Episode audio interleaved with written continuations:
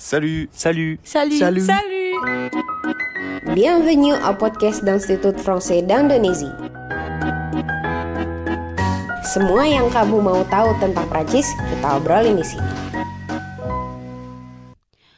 Salut, apa kabarnya nih teman-teman di rumah? Semoga sehat selalu ya.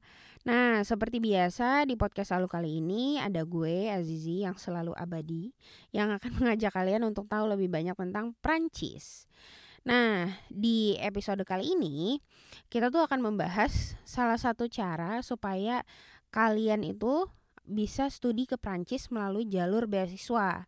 Nah, ini nih termasuk salah satu topik yang paling hot lah ya ibaratnya. Nah, waktunya tuh lagi pas banget nih karena bulan Juli nanti pendaftaran beasiswa LPDP tahap 2 tuh bakal dibuka.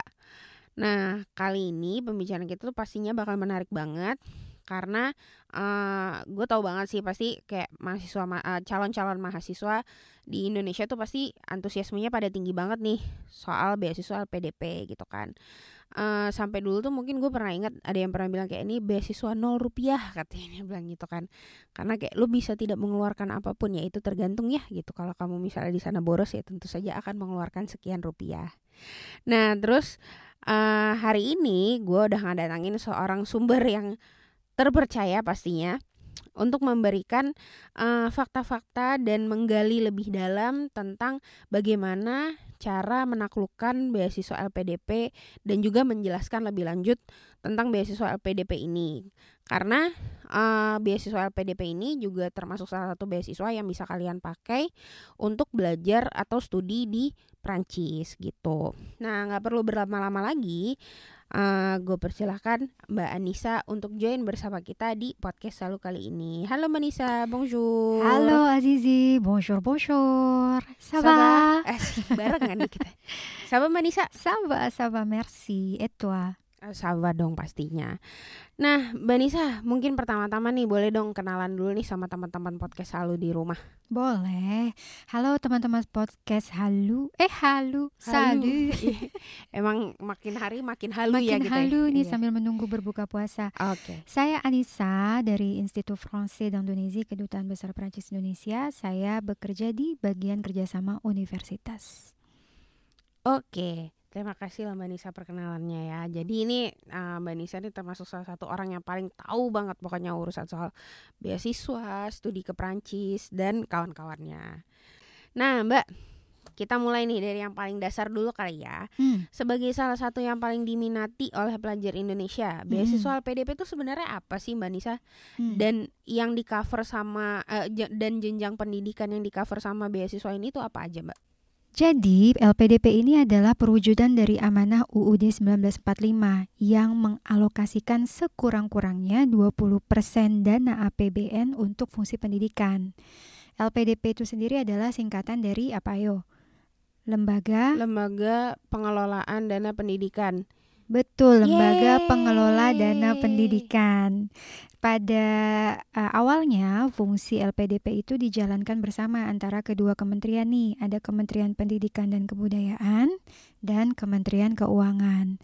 Lalu seiring berjalannya waktu dan pergantian kebijakan mulai dari tahun lalu akhir 2021 akhirnya LPDP dipercaya untuk mengelola tiga dana abadi.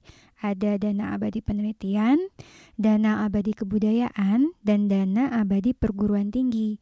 Jadi LPDP saat ini bekerja sama dengan tiga pihak, Kementerian Pendidikan Kebudayaan, Riset dan Teknologi, Kementerian Agama, dan Badan Riset dan Inovasi Nasional atau disingkat jadi BRIN. Kenapa beasiswa ini banyak dicari? Ya karena tadi seperti yang Azizi bilang, nol rupiah ya. Betul. Betul, karena kalau kuliah di Prancis jadi nol euro. Iya benar juga ya. Dan lingkup pembiayaannya sangat besar, menanggung hampir seluruh kebutuhan pendidikan dan tersedia untuk jenjang S2 dan S3. Dan di, dari situlah sebenarnya dari cakupan coverage eh, dananya inilah dia mendapatkan julukan si beasiswa nol rupiah itu ya Mbak ya. Ya, beasiswa komplit.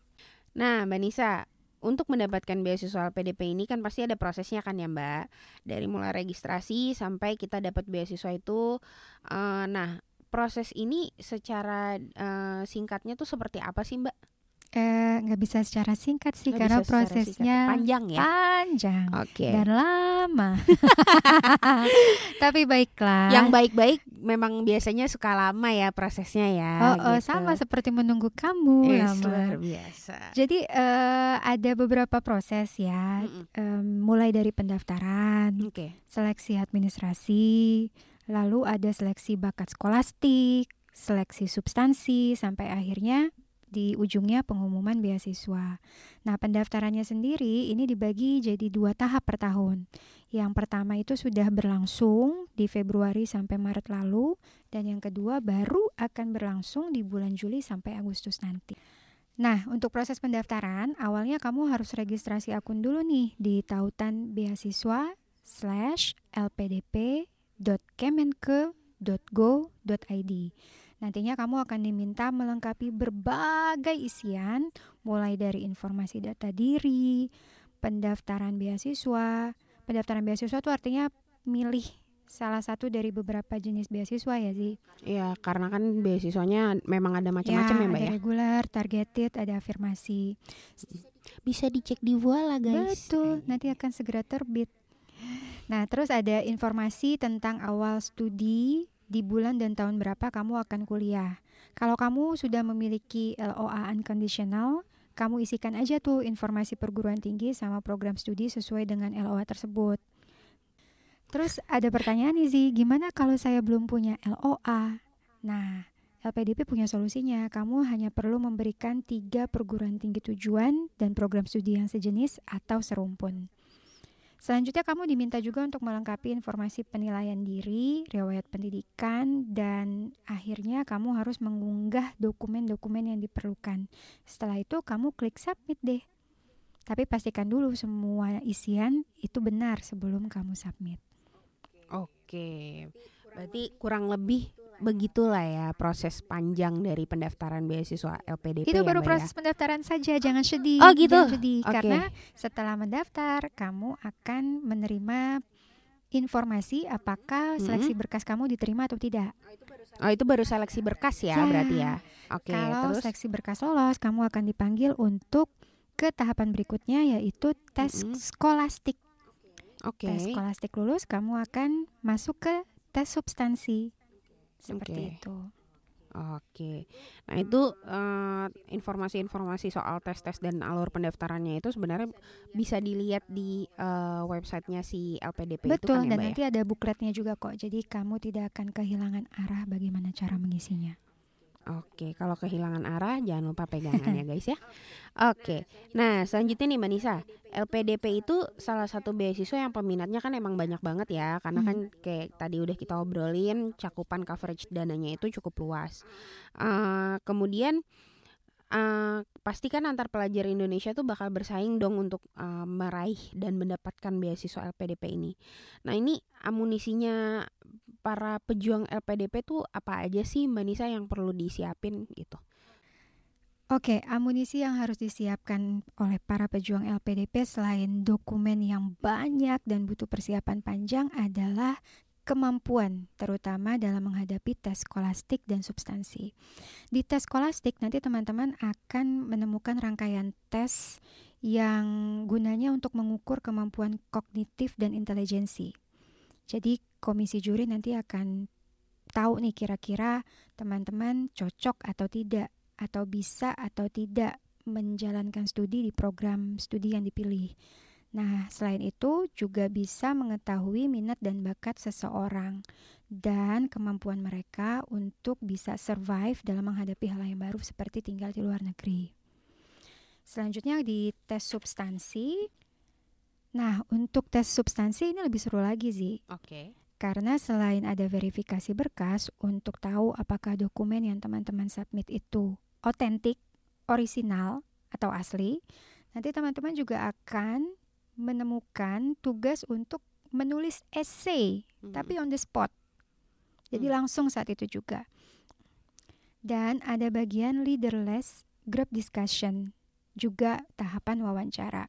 Nah, kesemuanya itu perlu pandangan dan persiapan yang baik dalam memantau isu-isu penting di sekitar kita. Misalnya kita bicara tentang isu-isu yang terjadi saat ini nih, kelangkaan minyak di tingkat dunia, peperangan, teman-teman harus mampu tuh memberikan cara pandang, opini terhadap isu-isu yang terjadi. So, mulai dari sekarang harus kritis mendengarkan berita-berita yang terjadi di sekitar, baik Harus update ya. Ya harus selalu update. Jadi bisa menuangkan pikiran dengan tepat dan sesuai. Oke. Nah, Mbak Nisa, ini kan salah satu berkas yang dipersyaratkan oleh LPDP itu kan LOA ya, dari kampus yang terdaftar di list LPDP. Betul. Di Prancis sendiri tuh ada berapa sih kampus eh, yang masuk di list LPDP tahun ini? Oh, bukan cuma satu atau dua, tapi ada 21. Luar biasa. Tahun ini kita berkesempatan punya banyak kampus Prancis di list LPDP. Mm-mm. Dan kesemuanya adalah kampus-kampus pilihan dalam peringkat internasional. Ada lima kampus yang dapat diakses untuk semua jurusan. Oke. Jadi kalian bebas ambil jurusan apa pun yang ada di kampus tersebut. Mm-mm. Tapi ada juga kampus-kampus yang terkonsentrasi untuk bidang studi spesifik, misalnya khusus ekologi, eh, remote sensing, politik, sejarah, hukum, seni, sampai manajemen perhotelan juga ada. Nah, kalau teman-teman mau tahu detail listnya, teman-teman bisa langsung cek di situs Kampus France Indonesia atau akses tautan bit.ly slash lpd Prancis. Oke. Tuh, tadi jangan lupa ya di bit.ly lpd Prancis. Oke. Oke. Eh, kemudian gimana sih Manisa kita bisa cari tahu tadi kalau tadi kan itu tahu list eh, kampusnya apa aja. Mm-mm. Nah, kita mau cari tahu nih tentang informasi kampus di Perancisnya ini. Oke, Kita bisa carinya di mana sih, Mbak Nis? oke. Teman-teman bisa cek langsung ke situs kampus Mm-mm. atau uh, untuk konsultasi bisa mengarah ke kampus France Indonesia yang ada di lima kota. Eh, teman-teman di kampus France Indonesia bisa dihubungi lewat email, telepon, lewat WhatsApp, dan kontak mereka bisa didapat di indonesia.kampusfrance.org. Oke. Nah, ini pertanyaan terakhir nih, Mbak Nis, pertanyaan penutup nih. Eh, Mbak Nis, kalau dari Mbak Nisa sendiri eh, ada saran atau tips-tips nggak nih ala Mbak Nisa buat teman-teman podcast selalu di rumah yang mungkin saat ini masih jadi pejuang LPDP supaya bisa mempersiapkan diri dan berhasil meraih beasiswa LPDP. Mm-mm. Eh, yang paling penting harus mengalokasikan waktu yang cukup ya. Jangan mengerjakan segala sesuatu terburu-buru atau mendekati deadline gitu baru dikerjakan. Jangan SKS ya, Eh, eh, itu sistem kamu kebut semalam. iya kamu kelahiran tahun berapa kok tahu SKS? Tahu. Ternyata itu udah dari dulu ya. Dari dulu itu. Hmm. Nah, ya jangan SKS karena bisa jadi di tengah jalan kita ada kendala, jadi Benar. belum bisa upload ini, belum bisa punya dokumen itu. Mm. Jadi harus ada alokasi dan manajemen waktu yang bagus. Selanjutnya, teliti menilik dokumen yang dipersyaratkan. Misalnya, eh, teman-teman diminta untuk memberikan surat rekomendasi. Nah, itu kan harus dipilih-pilih tuh siapa yang memberikan rekomendasi, apakah orang yang berkenan, apakah waktunya cukup, seperti itu. Dan yang terakhir, kritis untuk menyajikan dokumen dengan sangat baik, plus jangan takut gagal. Karena gagal sama seperti halnya berhasil adalah hak setiap insan. Luar biasa. Nih Mbak Anissa motivator ya jadinya ya. Anissa Teguh dong. Anissa Teguh ya. Oke ya tadi eh, sebenarnya yang kalau aku eh, tangkap sih teliti dan apa tadi yang pertama Mbak Nisa bilang Alokasi eh, waktunya harus bagus. alokasi waktunya itu juga sebenarnya jadi bekal kalian sebelum kalian berangkat kuliah di luar negeri ya. Mm-mm, bekal dasar sih. Uh-uh.